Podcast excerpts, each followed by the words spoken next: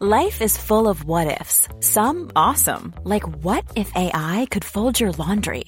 And some, well, less awesome, like what if you have unexpected medical costs? United Healthcare can help get you covered with Health Protector Guard fixed indemnity insurance plans. They supplement your primary plan to help you manage out of pocket costs. No deductibles, no enrollment periods, and especially no more what ifs. Visit uh1.com to find the Health Protector Guard plan for you.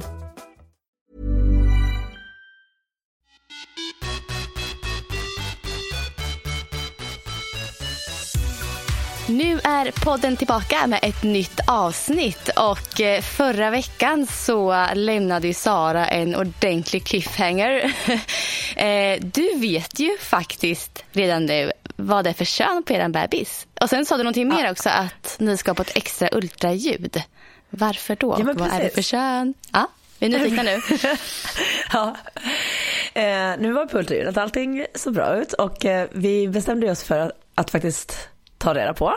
För att vi så här, det, det blev egentligen så att vi liksom så här började tro så starkt att det var någonting.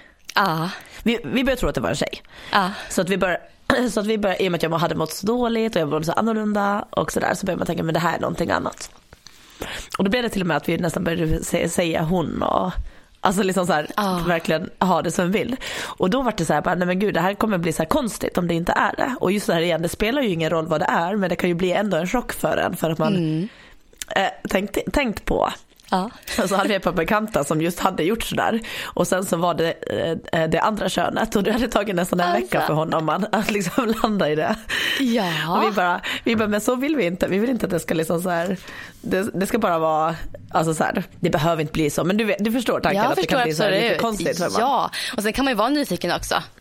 Ja, Eller det var vi, med Rasmus var vi Ja. nyfikna. Där var det nog mer min nyfikenhet, att jag ville veta Mm. så mycket så mycket som möjligt. Så, nej men nu så, eh, så kollar vi då och det visade sig vara en lillebror. Nej vad mysigt! Ja. Och det var verkligen såhär, va? Är det, är det en bror? Och sen, så här, och sen så tog det liksom bara så här, sen samma kväll, då är jag Ja. bara, ja, men alltså det är ju självklart att, att vi ska ha, att, det kommer, att lillebrorsan kommer nu. Ja. Alltså, och då kändes Ja, det bara som mysigt. så här, och, men det var ju ändå så här, först var jag bara va? Nej, är det det? Men sen, så, sen bara just när man hade fått det, jag bara, ja, men gud det känns ändå så självklart att det kommer vara jag och grabbarna. Åh, och Rasmus får en lillebror. Ja, och det var lite så mysigt. roligt också. Och sen så sa Lasse bara så här, ja det blir, det blir bröderna Viss. Liksom. Och, och det, det klingar så konstigt för mig, för visst, ni är ju också bara systrar. Ja, precis. Har ni varit kallade systrarnas värm? Ja, gud ja. i, i idrottssammanhang. Yes. Så jag är, Ja. så här, jag är så inött i så många år hade varit så här, systrarna viss när det har handlats framförallt om haft, ja. eh, idrott. Så när han sa så här, det blir bröderna viss, jag bara va? Va? Alltså det, är så här, det klingar så konstigt. Men det blir jätteroligt. Men har ni något namn färdigt? Är det som ni har bestämt? Nej, alltså jag tror att hade det varit en tjej så hade det typ varit klart. Så nu får vi ju lite så här börja tänka om. Så vi har några som vi hade som förslag till Rasmus som vi fortfarande gillar. Och vi har, så- men vi har absolut ingenting som är så här att det lutar åt det här. Utan vi har kanske så här fyra, fem stycken som vi tycker om. Eh, ja, så vi Mm. Får, spännande. vi får se. Mm. Men så lillbrorsan är där inne och sparkar för fullt nu. Ja, är det så? Hur mår du? Ja. ja men jag mår bra. Jag, Ja. nej, som ni hör kanske så att jag, jag är eh, lite förkyld. Eller jag har haft ont i halsen framförallt på nätterna. Mm. Men, så jag är hemma andra dagen nu. Men det är mest bara för en så här, jag är inte så sjuk egentligen men igår så ville jag inte gå till jobbet för jag hade dels hade jag en mammagrupp där vi har hand om massa bebisar så det känns inte så bra att stå Nej. och bära andras bebisar när man har lite ont i halsen. förstår jag. Mm. Och sen skulle jag haft berries på kvällen också. Och det är en alla som har varit på ett berries-klass vet hur mycket man pratar som coach. Och det blir ganska mycket ansträngande. Och jag skulle haft två klasser i rad. Så jag bara kände att det här kommer bara bli värre. Så jag var hemma igår. Och eh, idag så jobbar jag hemifrån. Så det var också perfekt att då fick jag två dagar med lite lugnt. Är det Men annars mår jag bra. jag vet inte, alltså, Rasmus klarar sig, Ja. jag vet faktiskt inte. Nej. Det känns som att jag har varit lite svajig nu under den här graviditeten också. Ja, du kan säga extra mottaglig kanske. För att Ja. få infektioner. Mm. Så, men, Men, ja, annars mår eh, jag bra. Ja, vad Hur mår bra. du? Ja, men jag mår bra. Men nu är nyfiken fortfarande så här. Du var på extra ultraljud. Jag måste bara ha Ja. det först. Eller du ska på extra det. ultraljud. Ja, vi ska Varför extra- ska ni därför? Det visar sig så här att min moderkaka ligger liksom så pass lågt så den inte helt under till men den ligger liksom framför ner till så att den ligger lite för livmoderhalsöppning, alltså där bebisen ska ut. Jaha. Eh, och det, det, jag tror att det är typ så här, jag tror att det är kanske 5% som det är, men att den ligger helt ner till. Nu ligger ju min fram slash ner till. Men så de sa att så här, troligtvis för, för nästan allihopa som den ligger så, så kommer den att åka uppåt i takt med att eh, livmodern växer liksom uppåt. Ja, och då brukar den flytta på sig att den följer med. Men det måste de kolla för att, eh, så i vecka 32 då så kommer de att göra ett ultraljud för att kolla om den fortfarande ligger framför, alltså under till. Eller om den har följt med upp. Skulle det vara att den ligger ner, alltså i vägen fortfarande så kommer jag tror jag göra ett till ultraljud i vecka 35 eller 36. För att se om den har flyttat på sig. Och har den inte flyttat på sig då, i så fall skulle det bli ett planerat snitt i vecka 38. Ja, det är så. Okej. Ja, för att den, Mm. den kommer, för det finns så risk, stor risk för stora blödningar om den ligger för när man ska liksom krysta ut. Mhm, Och att den då skulle komma före barnet också. Mm. Så den kan gå sönder och så kan det bli så mycket, så det är liksom en sån här, och det är liksom ingen, eh, alltså det är ingen fara. Så jag tror att ligger den helt under till, då kan man få lite så här att man får vara lite försiktigare med typ tung träning och sånt för att då, då blir trycket mot moderkakan ännu mer när den Just ligger under till också. Ja, och att ja. då finns risken för att man har ganska mycket blödningar under graviditeten. Mm. Men det sa de ingenting om till mig så jag antar att det inte är någon, någon fara i och med att den inte låg liksom helt under. Nej, vad skönt. Nej, men så bebisen mår bra i magen och du mår ändå bra. Du är Ja. förkyld, men annars mår du bra. Ja, nej, Ja. så bebisen mår jättebra och det där. Och det är ju superskönt tycker jag så här att de bara har koll på det. Och så Jättebra åker vi ju. ut och testar. Och jag pratar med några som, jag vet några som har haft så, eh, någon Mm. mm. PT-kund och sådär till mig. Och då har den åkt med upp. Jag tror att det är typ bara 0,5 procent som den i slutet vecka 36 där fortfarande är kvar. Ja, ja nej, men spännande för din graviditet Sara. Det är verkligen det. Vi kommer få Ja. följa den hela vägen in i mål, höll på att säga. men så är det ju. Ja. Jag sprang faktiskt igår jättekort. Jag sprang en och en halv kilometer. Åh, Utan att ha ont. härligt. Ja. Jag, jag, känner, jag, jag känner mig redo för att testa. För Jag känt så här att det har känts bättre liksom, sista veckan. Eh, inte, I början på veckan så fick jag så bakslag. Men sen har det liksom vänt den efter, efter den dagen och känts mycket bättre. Jag bara måste testa springa och se hur det känns. Så jag sprang bara ner till simhallen. Vi skulle ner simma. Så att eh, jag kände inte av någonting. Och idag känner jag inte heller någonting. Annars kan man känna efteråt så här att det inte var så bra. Men nu kände jag liksom, nu känns foten bra liksom. Men det är foten framförallt om du känner så här Ja. bakslag. Det är foten, är knä känns ingenting eller? Knät blir bättre och bättre lite grann hela tiden. Jag kan böja det mer och mer faktiskt. Jag kom på det igår bara. Jag kan nästan sitta ner alltså, på huk nu liksom normalt. Alltså verkligen. Så det har hänt någonting i knät också. Eh, Vad bra. Ja, Och du kör till dina övningar som du har fått? Ja, och jag tänker framför allt så håller jag på med min bål. Alltså jag tänker bålaktivering typ hela tiden vad jag än gör. Att jag använder hela bålen och aktiverar den på ett helt annat sätt än förut. Och jag tror att det kommer göra jätteskillnad för mig alltså. Ja. Faktiskt. Så att vi, ja, vi får se vart det, här, vart det här bär vägen. Men jag hoppas att jag kommer... Jag ska nog testa att springa en kort sväng idag med. Alltså jättekort. Som igår ungefär. Bara en och en halv, två kilometer. Bara för att känna på foten. Så Ja. att, ja, jag håller tummarna för att mina, min fot ska liksom hålla nu framöver. ja men verkligen. Och annars så har jag ju simmat på som vanligt. Jag kämpar i bassängen och jag ser utveckling så jag är så himla glad för det. Sista veckan har verkligen varit sådär Alltså hänt någonting med andningen ehm, och tekniken som gör att det känns mycket lättare nu.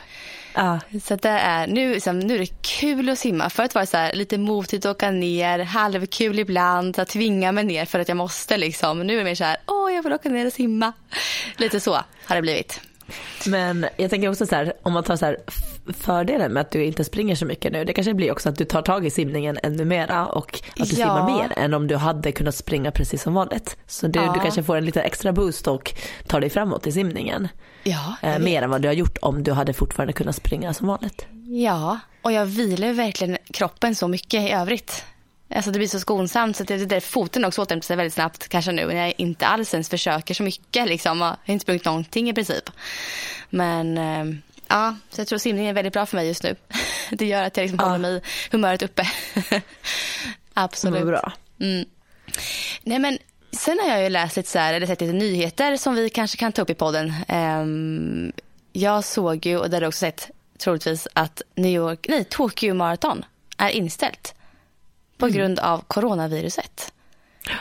Läskigt ändå så här, att det liksom, alltså, då, då börjar man förstå liksom så här hur allvarligt det är på något sätt när en sån stor Ja. evenemang ändå ställs, ställs in. Alltså verkligen.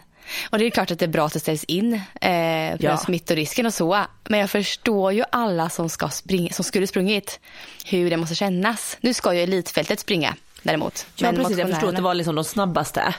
Ja, Damer, herrar och rullstolsåkare, så något sånt. Ah, det såg inte jag. Okej, snabbaste ja. av dem alla skulle få, få köra.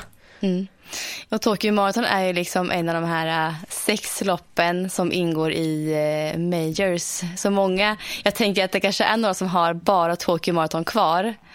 Eh, och som har sett fram emot att få den här medaljen nu efter loppet och så får de miste om den. Den måste kännas jättetråkigt. Eh, Men är det så att det, att det måste göras inom en viss tid? Nej men jag tror inte att det kanske är det, typ tioårsperiod eller något. Jag är inte säker. Men jag, jag frågade någon Ja. förra året och då sa hon att det var tioårsperiod typ. Men jag vet inte, det kan vara hela livstid, det, kan, det kanske är kortare än så. Men det, det är inte samma år eller två, treårsperiod. Det är ganska många år tror jag som Ja, man har kanske man chansen ändå har chansen. Ja, så nästa år kommer chansen. Frågan är bara hur det blir med pengarna. Får de tillbaka pengarna som la ut eller vad? Den borde de ju få för sig. Med startavgifter och sådana grejer.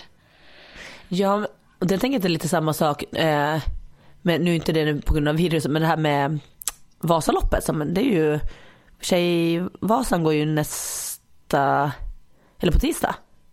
Ja, just det. Och sen är det ju hela Vasaloppsveckan och där är det ju väl fortfarande inte snö Nej, men jag vet. på alla ställen. Så Nej. jag tror att de håller på fortfarande liksom så här, försöker, det går ju inte att skaffa så mycket konstsnö och så heller när det inte är tillräckligt kallt. Så Nej. problemet är ju att det måste typ transporteras snö. Ja. Jag tänker känna så Och här den här är också med- där och då tänker jag, du vet när det är så enormt stora evenemang, Ah. så mycket pengar inblandade och liksom som de kan Ja, starta avgifter och, och allt de sånt har ju som, liksom, ja och arrangemanget i sig kostar ju massor pengar för dem innan loppet går av stapeln tänker jag. Så att de har ju lagt ut massor pengar, arrangörerna tänker jag, innan. Så Ja. de kanske måste, jag vet inte hur de gör. Om de, jag har ingen Jag tror att de har aning. ställt in det typ två eller tre gånger sen, sen det startade. Mm. Eh, och jag tror att senast de ställde in det var typ så här 89. Så att det är ju verkligen inte ofta de har ställt in. Nej. Nej, det är ju tråkigt. Men som sagt, det är väl nödvändigt för eh, smittorisken såklart. Så att Ja. de hade väl inget val tänker jag. Och jag, jag läste Men- någonstans om att OS är så hotat. Ja exakt och det är precis det jag skulle fråga. Ja, att det var liksom ja. att folk börjar fundera nu i och med att det, här ställs in eh, i Tokyo. Så hur det kommer vara med OS i, I sommar. i sommar är det ju. Ja. Ja. Visst är det i sommar? Ja, gud, det är i sommar. Ja, det är sommar. Det vore ju så himla, ja vilken grej det hade varit om det hade ställts in nu. Ett helt OS-arrangemang. Ja, vi får se vad som händer där. Men nu har vi ju snackat lite här, lite andra grejer än det som vi ska prata om egentligen idag. vi ska ju gå in lite på träningsupplägg inför halvmaraton och maraton. Yes. Ehm, ja, vad, hur tänker du här Sara? Ska vi börja lite med halvmaraton? Ja. Eh, med halvmaraton så tänker jag så här. Vi valde ju också nu att gå igenom de här först. Vi kommer senare prata också om milen och fem. Men vi tänker att Ja, ska man springa ett halvmara eller mara.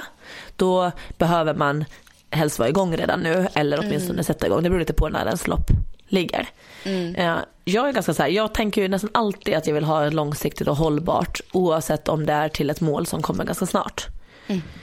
Så att när det kommer till eh, halvmaraton så helst vill jag att man nog åtminstone ska kunna träna kanske fem månader Mm. eh, inför det.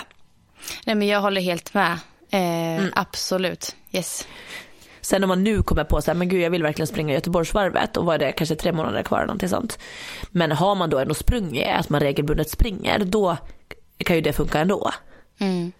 Men inte som ett så här påhittat, liksom så här, nu har jag, alltså så här, jag kanske inte har tränat så mycket löpning regelbundet på senaste tiden. Och då eh, har man, är man den typ av löpare, då behöver man nog ändå, tycker jag, ha en lite längre tid på sig. Mm. eh, för att eh, komma igång med det. Sen brukar jag ofta tänka liksom så här, att börja alltid med den här tre gånger i veckan. Ja. För nu jobbar jag ju med motionärer, jag tänkte säga främst, men jag, alltså jag jobbar ju bara med motionärer. Däremot har jag väldigt duktiga motionärer, vissa av dem. Mm. Eh, som är väldigt löpvana och så, men de är ju fortfarande på en motionärsnivå ändå. Mm. Eh, och där skulle jag säga liksom alltså, man kommer väldigt långt på att löpträna tre gånger i veckan.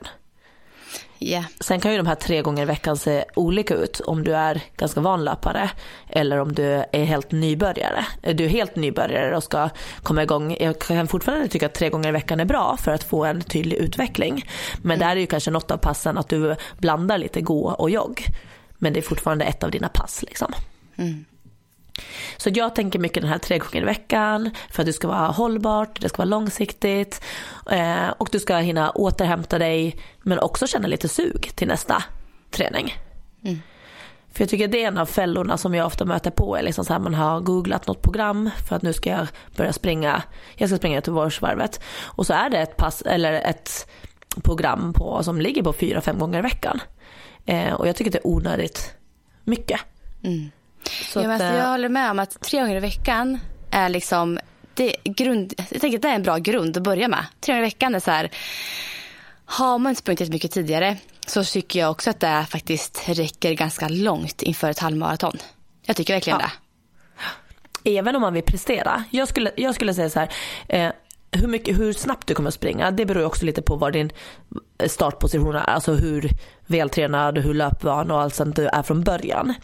Så säg att du är jätteträningsvan men inte har sprungit så mycket, då kommer du säkert ändå kunna springa ganska eh, snabbt. Men mm. överlag så tänker jag, tränar du tre gånger i veckan, så på sikt så tror jag absolut att det räcker till att till exempel springa under 1.45 på mm. halvmara. Mm. Ja, och det är ju ändå ett har kontinuerlig tränings... Ja, precis. Har sprungit kontinuerligt under ett par år så tror jag också att det absolut är jätterimligt. För många i alla fall. Sen har vi olika förutsättningar såklart ändå. Ja.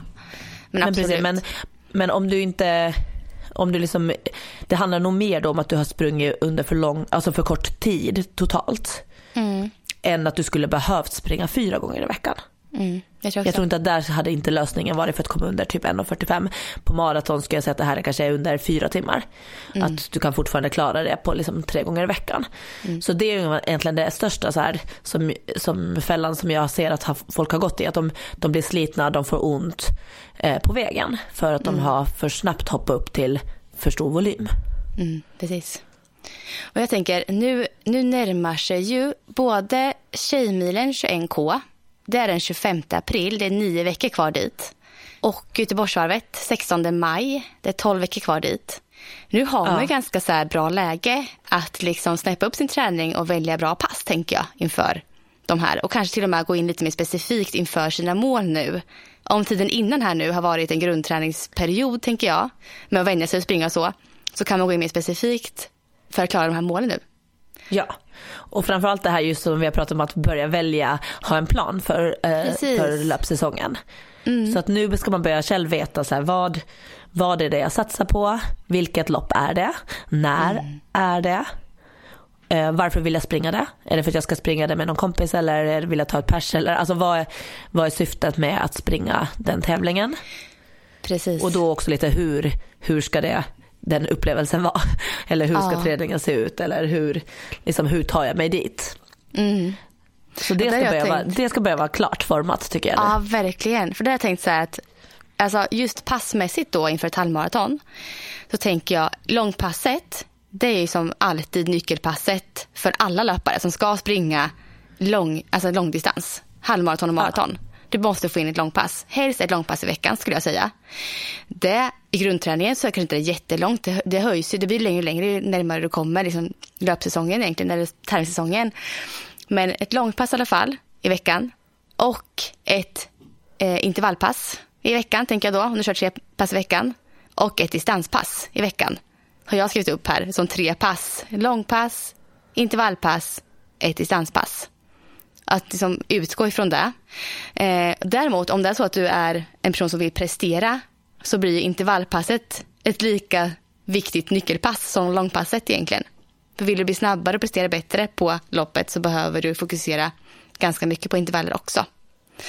Eh, men att ha de tre passen i alla fall i tanken. Långpass, intervallpass, distanspass. Och vad innebär då de här passen? Kan man tänka då. inför ett halvmaraton. Jag tänker att ett långpass inför ett halvmaraton ligger någonstans mellan 14 till 20 kilometer i den här fasen. Alltså när vi är inne i mer specifik träning mot målet, tänker jag. Så med grundträning kanske det var legat på 10 kilometer ungefär, men nu ligger man kanske på 14 till 20 kilometer på sitt långpass inför ett halvmara. Och ett intervallpass kan ju se lite olika ut. Där tänker jag ju V2 max-intervaller och blanda det med tröskelintervaller. Och har man tre pass i veckan så kan man ju köra ena veckan V2 max-intervaller och andra tröskelintervaller till exempel varannan vecka. Så. Och ett exempel på V2 max-intervaller det är alltså, där kör vi för att träna upp den maximala syreupptagningsförmågan. Och ett klassiskt sånt pass eh, som många gör som ska springa långdistans, det är 4 gånger 4 minuter med tre minuters vila mellan varje. Så det är ganska lång vila mellan för man ska återhämta sig ganska bra till nästa intervall. Och här ska man ju ligga någonstans mellan 90-95 procent av maxpuls, vilket ungefär är 10, 15, 20 slag under sin maxpuls. Så här ligger man ganska, på ganska snabb nivå och springer i fyra minuter i sträck, gånger fyra. Det är ganska tufft pass. Ja. Och det passet blir någonstans runt 45 minuter med uppvärmning och nedjogg. Så det är ett ganska så här, effektivt pass. Det är under timmen liksom som det tar att göra det här.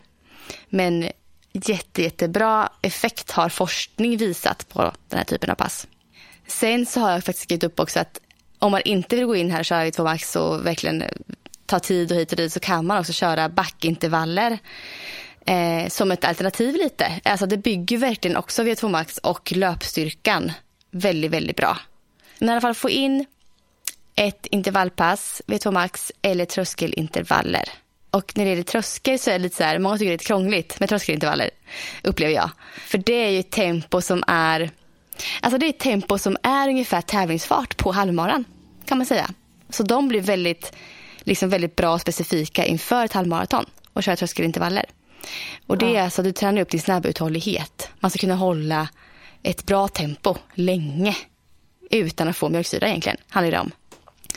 Och eh, ett sånt exempel på pass det är tre gånger tio minuter. Det är ganska långa intervaller. Och de kan också vara bra med sig så här en grundträningsperiod. Är de här väldigt, väldigt bra. Och även nu när det ändå fortfarande är ganska många veckor kvar till halvmaratonloppen i vår, tänker jag. Att tre gånger tio minuter är ett ganska bra eh, upplägg. Och då är det ganska kort vila emellan de här. Och då ska farten vara ungefär som du skulle maxprestera ett halvmaraton. Ungefär där ska du ligga.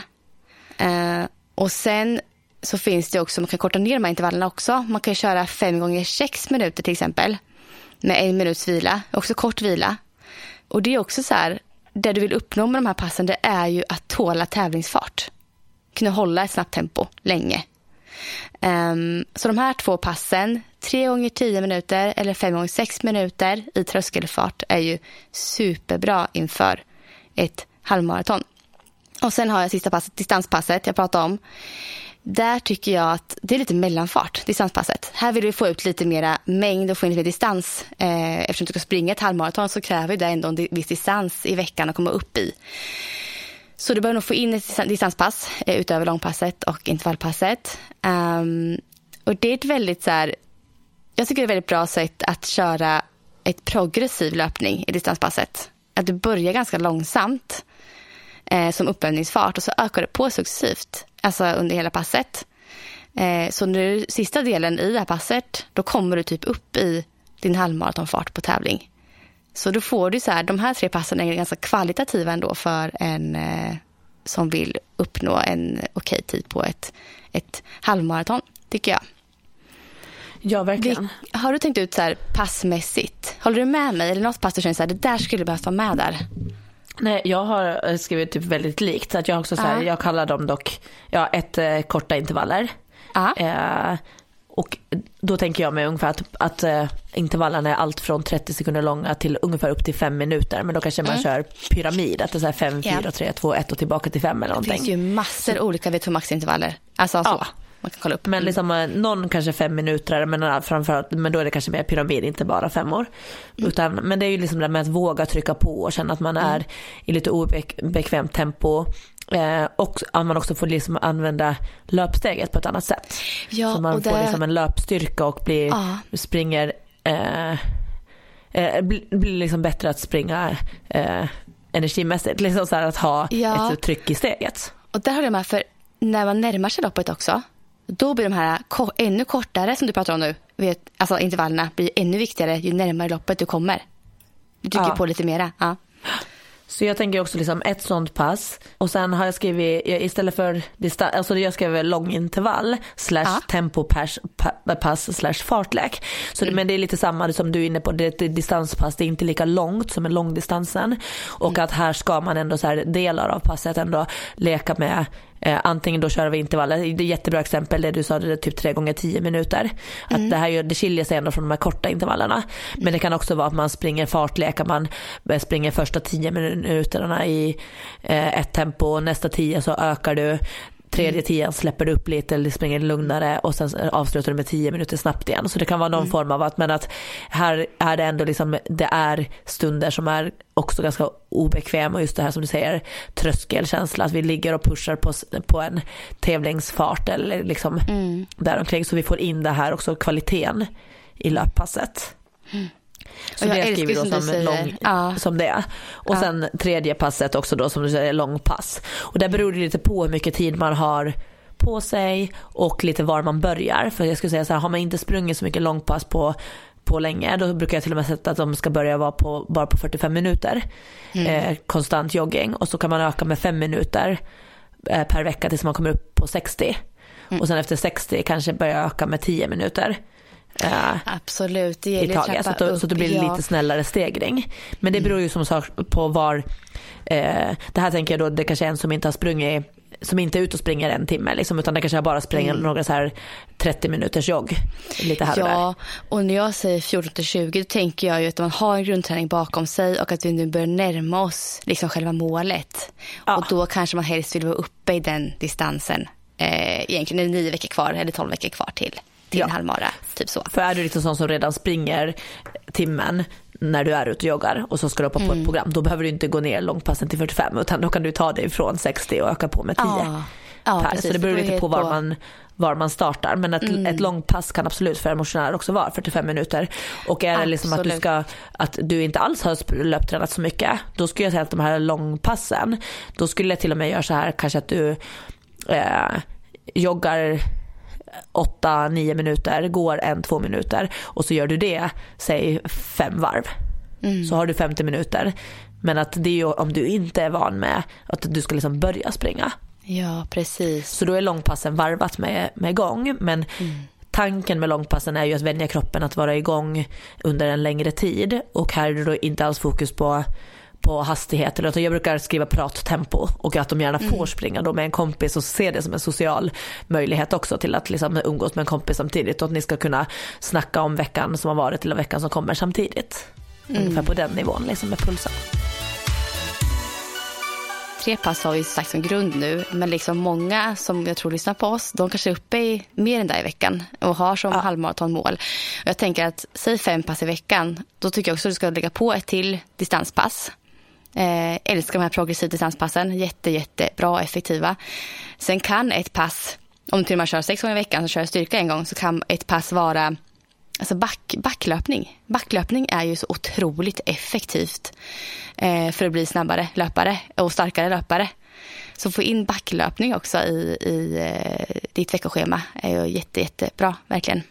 Ja. Men att man har en grund i alla fall, grundtanke med att ha ett långpass, distanspass och intervallpass i veckan. Och sen Ja. utifrån det sen bygga på det på, på eh, lite olika sätt. Men distansen, få in det ett till är ju eh, bra där, absolut. Så har man inte sprungit regelbundet tre gånger i veckan under i alla fall ett år, då får man börja med det. Mm. Är man mer Precis. van än så, då bör man se till mera kvalitetspass in. Mm. Eh, håll ändå kvar med bara typ ett långpass i veckan. Däremot kan ju de, de kan ju bli ganska långa ändå de här eh, distanspassen. För du Ja, säger att intervallerna precis. kanske blir en eh, 6-8 kilometer. Men det du kan ju lägga in är ju 2 kilometer uppvärmning, 2 Mm. kilometer nedjogg och sådär så att du ändå får ihop lite Mm. eh, distans på totala passet ändå. Sen är det så här, vissa vissa personer tycker om att ha den här strukturen. Man vet så här, jag ska köra tre gånger tio minuter idag med den vilan, med den pulsen. Eller fem gånger sex minuter med den vilan, den pulsen.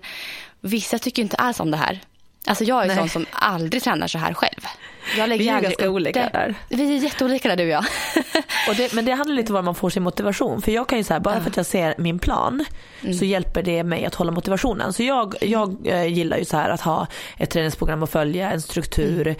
siffror, alltså sånt här. Mm. För det är liksom på något sätt som att då är det som att min, min hjärna bara okej okay, och så bara följer med och så blir det så mm. lätt för mig att motivationen blir så, enk, äh, så lätt för det blir bara, då gör jag bara. Precis, jag tror men du, många... du är ju inte så.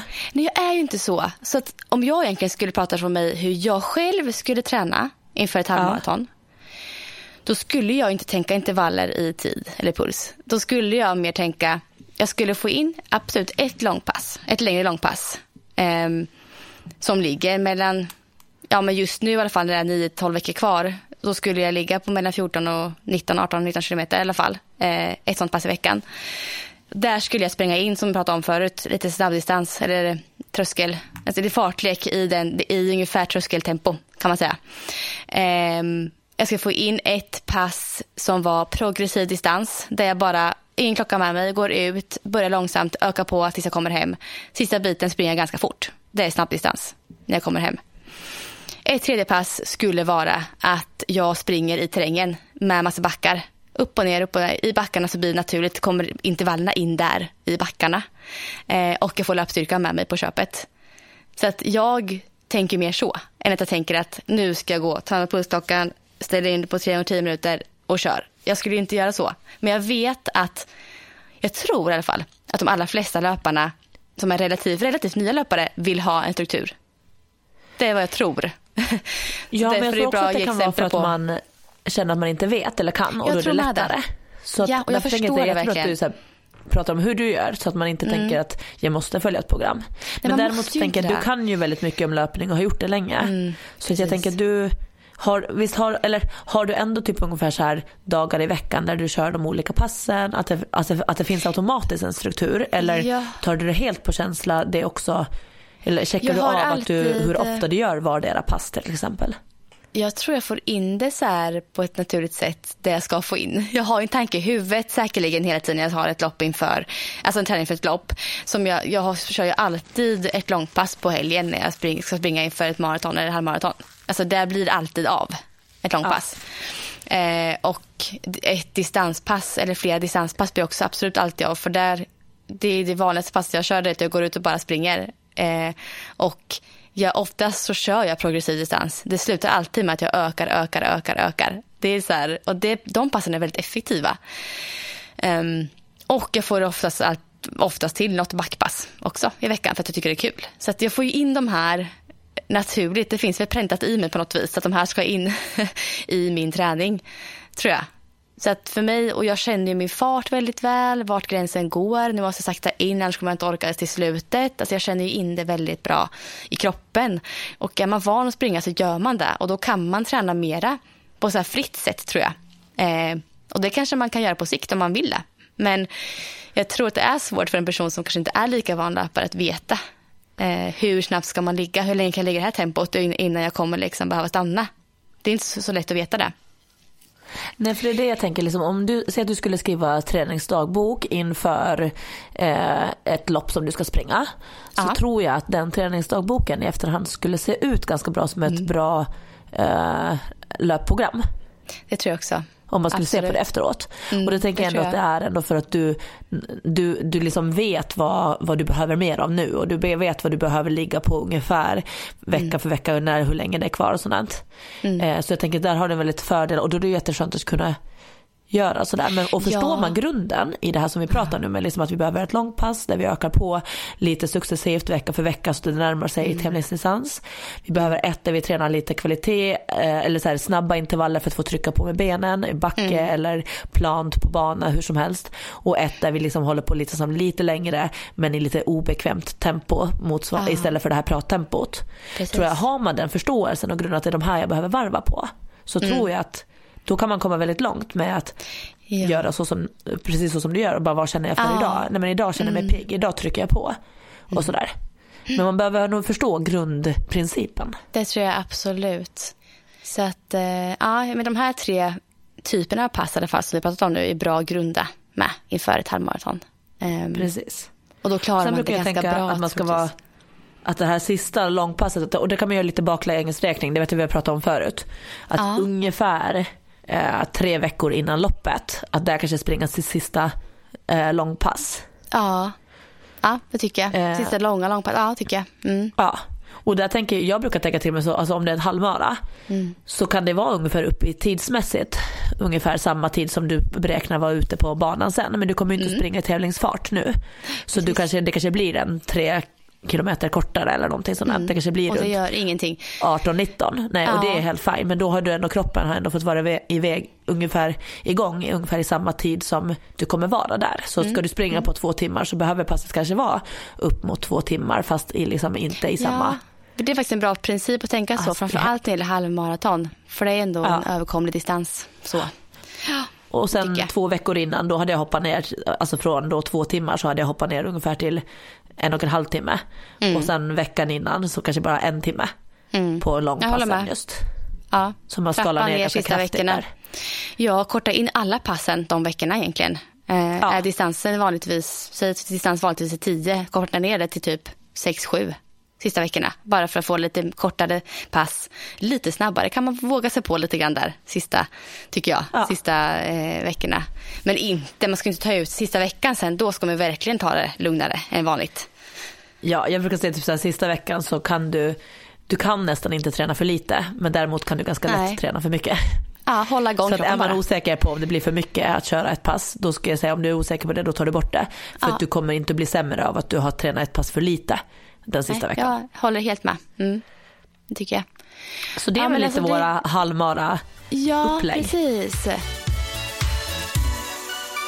Sen har vi maraton då.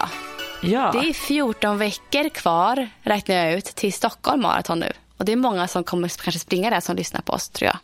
Och det är, det är typ tre och en halv månad, eller vad blir det? Mm. Ja, Ja, tre och en halv. Mm, det är det. Då säger Ehm. jag direkt så här, ska man springa det i år, då hoppas jag att du är igång. Eller, också. eller är vanlöpare. Ja, men alltså är det så här, till och med om du är en van löpare så skulle jag vilja att man börjar halvåret innan alltså. Och, Ja, jag alltså, vara- och tänker maraton. Jag skriver gärna sex månader innan, att man har det som Ja. en plan då. Helst åtta till nio månader. Ja, absolut. Jag håller med. Så har jag Helt skrivit. hållet. Ja, Nej, men alltså maraton, det är sån ansträngning på kroppen så att det är en väldigt stor skillnad faktiskt på att springa ett maraton och ett halvmaraton. Det Ja. är sån påfrestning på kroppen eh, som man måste räkna med och då behöver man verkligen vara förberedd. Så är det verkligen. Och här tänker jag, alltså ett halvmaratonupplägg och ett maratonupplägg är ju ändå ganska lika i tänket, i grundtänket, hur man ska träna inför. Du vill ju få in långpassen som du bygger upp successivt som vi pratade om förut. Eh, nu när det är 14 veckor kvar så vill man ju kanske snart komma upp i de här lite längre långpassen, tänker jag. Som kanske är, alltså de längsta är väl 32-35 kilometer skulle jag säga, som man kanske bör komma upp i några gånger eh, innan ett maraton. Mina längsta har legat på 32 tror jag, inför mina maraton. Och det är ju för att det sliter ju otroligt mycket på kroppen. Att springa ett träningspass på över tre mil, det tar jättemycket på kroppen. Så att man får väga över där vad som är värt. Hur långt vågar jag chansa på att springa innan? De här vanliga alltså elitlöparna, de är ju uppe i maratondistansen säkerligen innan de springer maraton i sin träning. Men är du inte elit eh, så gå inte upp och spring över fyra mil på träning. Det är så här varningstecken för att det kan bli alldeles för mycket. Så spara det till, till loppet istället. Ja. Och det är ju som sagt ett, lång, ett längre långpass i veckan. Du behöver få in distanspassen här också såklart. Eh, precis som halvmaraton. Här kanske det behövs, helst egentligen behövs det kanske att du kommer upp i ett pass till i veckan. Till ett maraton.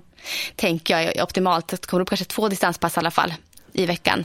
Och de tänker väl jag kanske ska ligga mellan 10 och 15 kilometer. Någonstans där. En och en halv mil ungefär upp till det för en mara. Och det är ju ändå ganska långt. och här tänker jag att man också kan leka lite med det här att köra progressiv eh, distans. Man kommer upp i, liksom i maratonfart sista, sista biten på, på träningen så får du träna, du får träna din maratonfart vilket är väldigt bra också inför alla lopp du kör. Att träna den farten du ska tävla i är alltid bra att göra. Så att progressiv distans eh, tror jag verkligen på här också. Sen tänker jag intervallmässigt inför ett maraton. Där blir ju tröskelintervallerna ändå viktigare än de här snabbaste intervallerna. Om man ska prioritera någonting så är det tröskelintervallerna som man kanske ska fokusera mest på i alla fall. Och där tänker jag 3 gånger 10 som jag sa förut ju, det är jättebra upplägg inför ett maraton. kanske även att du kör 2 gånger 20 minuter också i tröskelfart eller i din maratonfart. För maratonfarten, den är ju egentligen lite långsammare oftast än vad tröskelfarten är. Så att de här, intervallerna kan vara, de här tröskelintervallerna kan vara lite längre och något, något kanske långsammare än vad om du kör eh, inför eh, halvmaraton. Och samtidigt så är syftet med tröskelintervallerna att pressa tröskeln. Så att utgå från att du ska ligga på tröskelfart även här, absolut. Eh, ja. Så pressar du tröskeln lite grann och det är det som ska göra att du ska kunna springa snabbare en längre tid eh, även, även här. Så ett långpass, ett distanspass, nej två distanspass ska jag säga och ett tröskelpass. Där skulle jag vilja grunda eh, inför ett maraton faktiskt. Vad tänker du här Sara? Ja men jag tänker också rätt lika. Eh, jag tänker att eh, man kan börja med tre gånger i veckan här också om man, om man ja, är det, ganska ja. ny. Men däremot kan ju det gå mm. över till fyra gånger i veckan, säg efter 8-10 veckor. Ja. Mm, så exakt. man ändå liksom börjar eh, lugnt. Och sen tänker jag lite samma sätt där att öka med kanske 10 minuter per långpass. Mm. Eh, när ja. man gör det. Men att också liksom, liksom här att, när, för nu när det är maraton, då är det liksom det är så mycket mängd och det är under en lång tid vi ska träna på det här. Mm. Sagt, det är inte, helst inte bara ett 12 veckors program utan det är hellre, helst lite längre. Så då mm. tycker jag att här blir det också lite viktigare att eh, få in den här periodiseringen. Att man liksom kanske var fjärde vecka faktiskt tar ner på volymen. Mm. Och ge, sätter in liksom lite vilo, vilovecka. För att få känna vad vilan gör för träningen. Så jag hade nog nästan velat ha så här, men man kör ja. kanske tre veckor där du ökar då de här tio minuter typ varje, mm. varje vecka. Men sen fjärde veckan då kanske du drar ner 30-40% på mm. totala, eller på, på distansen, på långpasset i alla fall. Mm. Och sen går du tillbaka men då, då tar du upp det nästan där, där, du var eller lite bakom. Typ där du var på vecka två då så kör du eh, därifrån tre veckor till där du ökar på liksom. Så att det kommer bli, du kommer framåt liksom hela tiden. Men jag ty tycker att det blir viktigare här med eh, återhämtning och, och vila för kroppen när vi kör när det börjar bli så mycket och mycket och det ökar för varje vecka. Jätte, jätteviktigt. Framför allt en skadesynvinkel här alltså. Att backa lite grann var fjärde vecka. Alltså det är jätte, jätteviktigt ja. att återhämta sig ordentligt. Ja, ja, så, så det kan man tänka, när jag tänker när, när långpassen börjar vara över 90 minuter. Mm. Då kan man börja ha det här liksom att ja, men var fjärde vecka så behöver jag lätta upp i alla fall. Mm. Och att inte vara liksom stressad över att man behöver inte alltid springa längre och längre på varje. Utan ett långpass, liksom, det är okej om det är 10-20 minuter kortare någon vecka än vad det var veckan innan och sådär. Bara på sikt yeah. så har, kommer du ändå framåt liksom. Mm. Så man vågar lite eh, känna in kroppen och och alltid liksom, och det överlag när det blir, för nu är vi uppe på en, en mängd som kanske inte är liksom det som man pratar om så här, det här eh, hälsosam löpning. För att maraton går inte riktigt tycker jag under, det är ju inte så man behöver träna för att träna hälsosamt. Nej. Eh, så att här alltid mycket mer lyssna in kroppen, känner mig sliten, känner mig att jag har ont någonstans. Att våga liksom ändå dra ner lite de veckorna eh, och hellre liksom nästan behålla regelbunden träning. Att jag håller mina tre, fyra gånger i veckan då. Men att de mm. får vara kortare. Än att, mm. Eller att jag har ont och så får jag stå över en hel vecka till exempel. Mm. Eller så. så hellre ska jag då dra ner på mängden men fortsätta springa regelbundet under, tills kroppen ja. känns bättre. Ja. Och nu, jag sa ju förut så här 32 35 kilometer. Alltså jag kan väl ta tillbaka lite, man behöver inte börja med det här precis, nu är det 14 veckor kvar till Stockholm Marathon. Jag kanske skulle fortfarande legat nött på typ runt 20 kilometer just nu. När det är så pass långt kvar. Alltså, för det, så att det sliter så jäkla mycket på att springa de långa långpassen. Eh, så de jobbar upp från och nu också några veckor till här, alltså någon månad till kanske, där du ligger på runt 20 kilometer, sen öka på, som du säger nu, varje vecka lite grann. Ja. Eh, Men stressa inte på längden för mycket om du inte har gjort det förut och inte är van liksom att springa. Tre mil är ju riktigt långt alltså på träning. Ja men precis, jag såg en sån rekommendation typ att man, att man kan öka ungefär med 10% på volymen från vecka till vecka. Ja. Och 10% då är det, det är inte bara på långpassen utan det är den 10% av din totala löpning. Så säg att under en mm. vecka att du skriver ner uppvärmning, nedjogg och alla pass som du har mm. haft klocka eller har på ett hum ungefär. Men det är liksom inklusive all löpning, inte bara kvaliteten. Mm. Och så skriver du in ja. och så säger att i början kanske du får ihop tre mil till exempel. Så du har 30 kilometer första veckan. Då är det ju mm. ungefär 33 du ska ligga på veckan efter. Och det är, också, det är ju inte bara tre kilometer extra då bara på, bara på långpasset till exempel. Det kanske är två extra där. Men så har du också ja, lite, en extra lite på uppvärmningen. Ja. Så att man lite har koll på sin totala volym och inte bara långpasset. Eller För det här, där. Ja, för det här blir viktigt. Ökar du på långpasset så kommer du känna av det längre alltså kanske fler dagar som kommer efter, att det här, nu är jag inte tillbaka än. Då kanske du faktiskt tar bort något distanspass ibland bara för att känna att du återhämtar dig efter långpassen. Ja. Och då har de kanske blivit lite för långa. Alltså verkligen känna in det där, vart går min gräns liksom? Så man inte pressar för mycket för att stå på ett schema. Nu ska du köra två kilometer till det här långpasset. Alltså känn in kroppen, hur mår den efter? Hur många dagar behöver jag tills jag är tillbaka igen? Klarar jag av att köra distanspass två dagar efter eller måste jag ta bort, börja ta bort det? Backa ja, bandet lite. Har, alltså det... Om man då har en vecka som man vill dra ner lite på lång, långpasset för att liksom skapa lite, men då kan man ju också sätta in två kilometer extra på en annan uppvärmning eller där, för då, ja. då har du fortfarande samma volym. Så mm. man kan ju mm. leka runt lite med hur det, mm. hur det mm. känns, hur man kan placera, men så att ändå mm. försöka ha lite koll på ens totala volym och mm. tänka den här 10% regeln. Har du också varit sjuk eller missat, då måste du nästan också lite utgå från den. Du kan inte riktigt tänka där du så mycket du skulle ha tränat.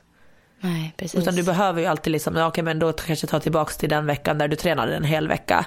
Eh, fick med alla pass och sen på nytt mm. börja öka därifrån. Mm. Så jag tycker att allt det här med återhämtning, känna in, eh, det, allt det blir mycket viktigare när vi ska springa ett maraton. För att det blir liksom en, en, eh, det är ett större projekt. Och det kommer att ta mycket mera eh, ja. ansträngning och så också. Ja. Och därför är... har jag också satt in det här, just det sista långpasset på maraton. Jag, jag tyckte också att det är ungefär upp till 32. Alltså det mm. sista långa. Ja, du kan ju ha sprungit något innan det också men, liksom så här, men att sista passet är ungefär 32 eller 3 och en halv timme beroende på mm. eh, om du liksom inte kommer upp i 32 på 3 och en halv timme mm. då tycker jag att 3 och en halv timme räcker. Ändå. Det, För det kommer ja, vara en annat att alltså, springa tre och en halv timme själv på en träning är en annan Nej, ansträngning men... än att springa ja. ett lopp på nästan fem timmar tror jag. Ja, alltså det, det, är verkligen det. Det tar så jäkla mycket på kroppen alltså. Ja, det så jag tänkte så här, tre och en halv timme, 32. Och det här skulle ja. jag då sätta att sista det långpasset skulle vara tre till fyra veckor innan. Mm. Mm innan Ja, det eh, håller jag med om. Det sista långa, ja, och sen kan du trappa, börja trappa ner långpassen. Liksom. Ja, ja. Tre, tre veckor innan kan du köra kortare. Alltså i alla fall typ, kanske, ja, men lite, 30 kanske då. Och sen kör ja. du 25 eller någonting kanske två veckor innan. Nej men så, inte längre. Om ens det. Alltså så här, det, det får inte vara för långt sista veckorna in på. Ja, så längsta, jag håller med dig. Fyra veckor innan skulle det längsta kunna vara faktiskt. Ja. Omkring där ungefär. Sen beror det på som sagt vem vi pratar till. För jag vet ju att eliten springer säkert sitt längsta tre veckor innan. Inte längre ja. bort än så. Alltså, Nej, och men, och det är också jättestor skillnad. Det är jättestor skillnad på, det är till och med stor skillnad på elitmotionär och elit. Ja, jätte, jätteskillnad. Men man ska ha med sig, alltså jag har sprungit ganska många halvmaror. Jag har sprungit sex maror. Alltså det är sån otrolig skillnad på hur kroppen reagerar efter ett en sån ansträngning med halvmaraton. Halvmaraton återhämtar man sig ganska så snabbt. Eller jag gör i alla fall. Man ska inte säga. Jag återhämtar mig väldigt fort efter en halvmara. Det är ingen jätteprestation på, kroppen, eller prestation på kroppen. Men ett maraton, otrolig. Alltså, det, det tar så mycket mer på kroppen. Så man måste verkligen vara förberedd och springa smart inför ett maraton och ha med sig, som vi sa, minst sex månader innan. Helst ännu längre tid innan alltså. Eh, och börja träna inför ett mara. Om man inte vill riskera att bli skadad. Det är där, det är där vi är. Liksom. Man klarar ju av säkert ett maraton på kortare tid, träningstid innan. Men frågan är hur kroppen mår under tiden och efter. Det är där vi vill komma ifrån. Ja, och det där pratar vi, jag tycker jag ofta om med mina kunder om. Liksom så att, att att ställa sig på starten på ett maraton och springa, det tror jag att alltså, väldigt många hade klarat. Men det är sen hur, hur kroppen mår, hur upplevelsen är. Så jag blir alltid mer imponerad av någon som har orkat och klarat att följa ett maratonprogram typ i ett halvår mm. och ställa sig på starten. Alltså den prestationen tycker jag att är större mm. än att ta sig runt. För det är, är liksom en helt annan grej och därför brukar jag också här just oh. efter, efter det här sista, sista långpasset och när vi börjar lätta upp och liksom så här, att där klappa på axeln och säga så här nu är jobbet gjort, att nu är det bara oh. liksom, nu ska du bara lätta upp och göra det här att, och att verkligen ta in berömmen där. Lite ja, som jag vet verkligen. Att, kommer du ihåg att jag berättade också att min tränare har till mig när jag har sista, jag nu har inte jag så här, så här många veckor innan, men jag har ju sista träningen innan en stor tävling, typ innan FM. Mm. Då springer jag ju R-varv på sista träningen och tar in allt jag har gjort och liksom så här firar. För mm. att resultatet i sig, vad som händer den dagen, är på något sätt inte, alltså det är klart att man hoppas att det går bra och så här, men då har jag i alla fall gjort allt vad jag kan. Jag kan inte yeah. på något sätt påverka mera där och då har, det är ju där jag ska ha cred för att nu har, mm. är allt mitt jobb gjort. Mm. Och det tycker jag att det är lite samma här, att har man gjort en maratonsatsning, man vet ju det, man kan ju vakna upp sjuk. Och då tycker mm. jag att det är så hemskt att man då bara känner så här, oh. allt är i onödan eller något så här, utan verkligen se prestationen i mm. träningen, i att följa ett program och att alltså, ha den drivkraften. Och att det är ingenting man får glömma bort, för det tycker jag det, det är jätteviktigt. Eh, alltså det starkaste. Det där vet jag så här inför inför Stockholm Marathon nu förra året så hade jag den här känslan typ några veckor innan så här att nu har jag fast gjort allt jag kan. Alltså jag var så nöjd med mig själv. Jag minns det, den känslan. Hur skönt det kändes. Jag hade tränat så himla bra liksom hela ett helt, nästan ett helt år liksom, eh, innan. Eh, och var bara så nöjd med mig själv att jag hållit i. Liksom. Ja. Så passa på att njuta av det när man är klar med de tuffaste passen. Absolut. Ja, jag tänker också att ställa sig på startlinjen med den känslan. Jämfört ja. med att stå där och känna så här, jag borde ha gjort det eller så här, undrar om jag orkar eller så här, hoppas kroppen pallar. Alltså, så det kan man ju ha lite ändå. Men alltså, jag tror att har man gjort en sån här eh, lång eh, träningsprogram, då tror jag inte att man är så nervös över att inte klara det eller Sen är det klart, ska man springa pers så är det ju alltid, då vet man alltid, det här är på min maximala förmåga. Ja, och pers vet ju, det är alltid en skaderisk att satsa på pers. Ja. det, ja, men det är verkligen så. Det är där jag hamnade förra året, Stockholm Marathon. Jag blev skadad efter. Ja, och där känner eh. man också tycker jag återhämtningen beroende på hur man har sprungit lopp. Mm. Och det här var vi inne på i början.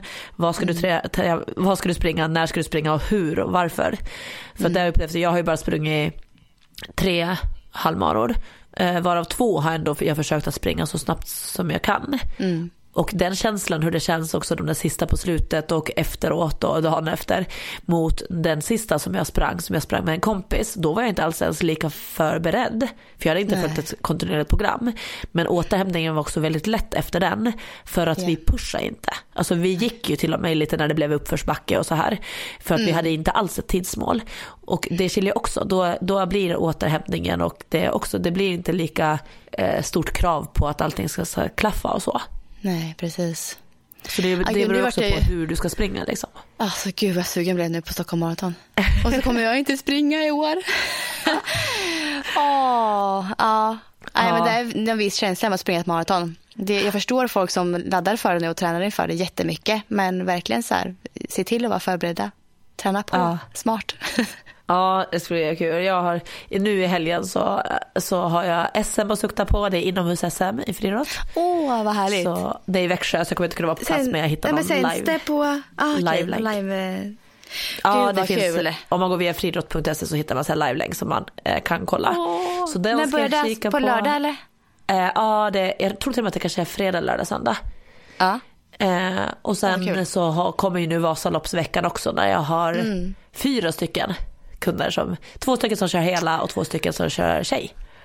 Så där ska jag också sitta med deras startnummer. Så det är en så här rolig, rolig tävlingssäsong. Även om det inte är distanslöpning eller något så är det ändå friidrott. Jag tycker ja. det är kul att se eh, typ nästan alla grenar.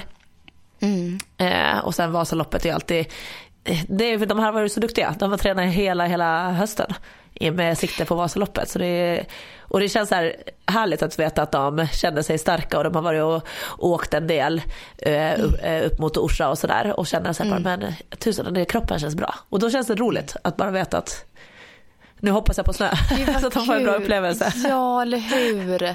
Kommer ni ha kontakt tror du? Alltså efter loppet och sådär? Eh, säkert några sms och sådär och så ska de skicka ja. sitt startnummer så att jag kan följa, följa dem. Då kan man få så här eh, när de passerar vissa ställen och så. Ja. Åh, spännande med Vasaloppet. Vi måste komma in på nästa vecka och prata om lite om det här tänker jag. Ja. Då kan vi prata lite om hur det gått för dina klienter också. Ja, precis. På loppet. Nej men du Sara, vi har snackat på hur länge som helst här nu, ser nu. Klockan bara tickar iväg. Ja, Vad hände? ja, verkligen. Men eh, vi får se lite vad nästa veckas avsnitt eh, kommer handla om. Eller det vet vi förresten. Jo, det är ju, vi ska ju prata om eh, träningsupplägg, eller hur? För 5 och 10 kilometer. Yes, så då kommer det vara lite de här snabbare distanserna. Kul, för det är många tror jag som kommer kanske ha som sikte att springa Vårhuset, Blodomloppet. Vad är det mer för några milslopp som kommer? Premiärmilen i mars va? Brukar vara. Ja, um, Tjejmilen i slutet av sommaren. Tjejmilen, ja. Det är många sådana som ligger också här nu så att där ska vi komma in på nästa vecka. Det blir kul. Ja. Ja. Det och säkert lite blandat. Vi har ja, allt vanligt. annat alltid att prata om oss om. Ja, alltid så. Ja, men det låter jättebra. Men eh, du får ha det så bra tills dess då och krya på dig. Ja, tack. Och detsamma. Ja, det så bra. Hej då.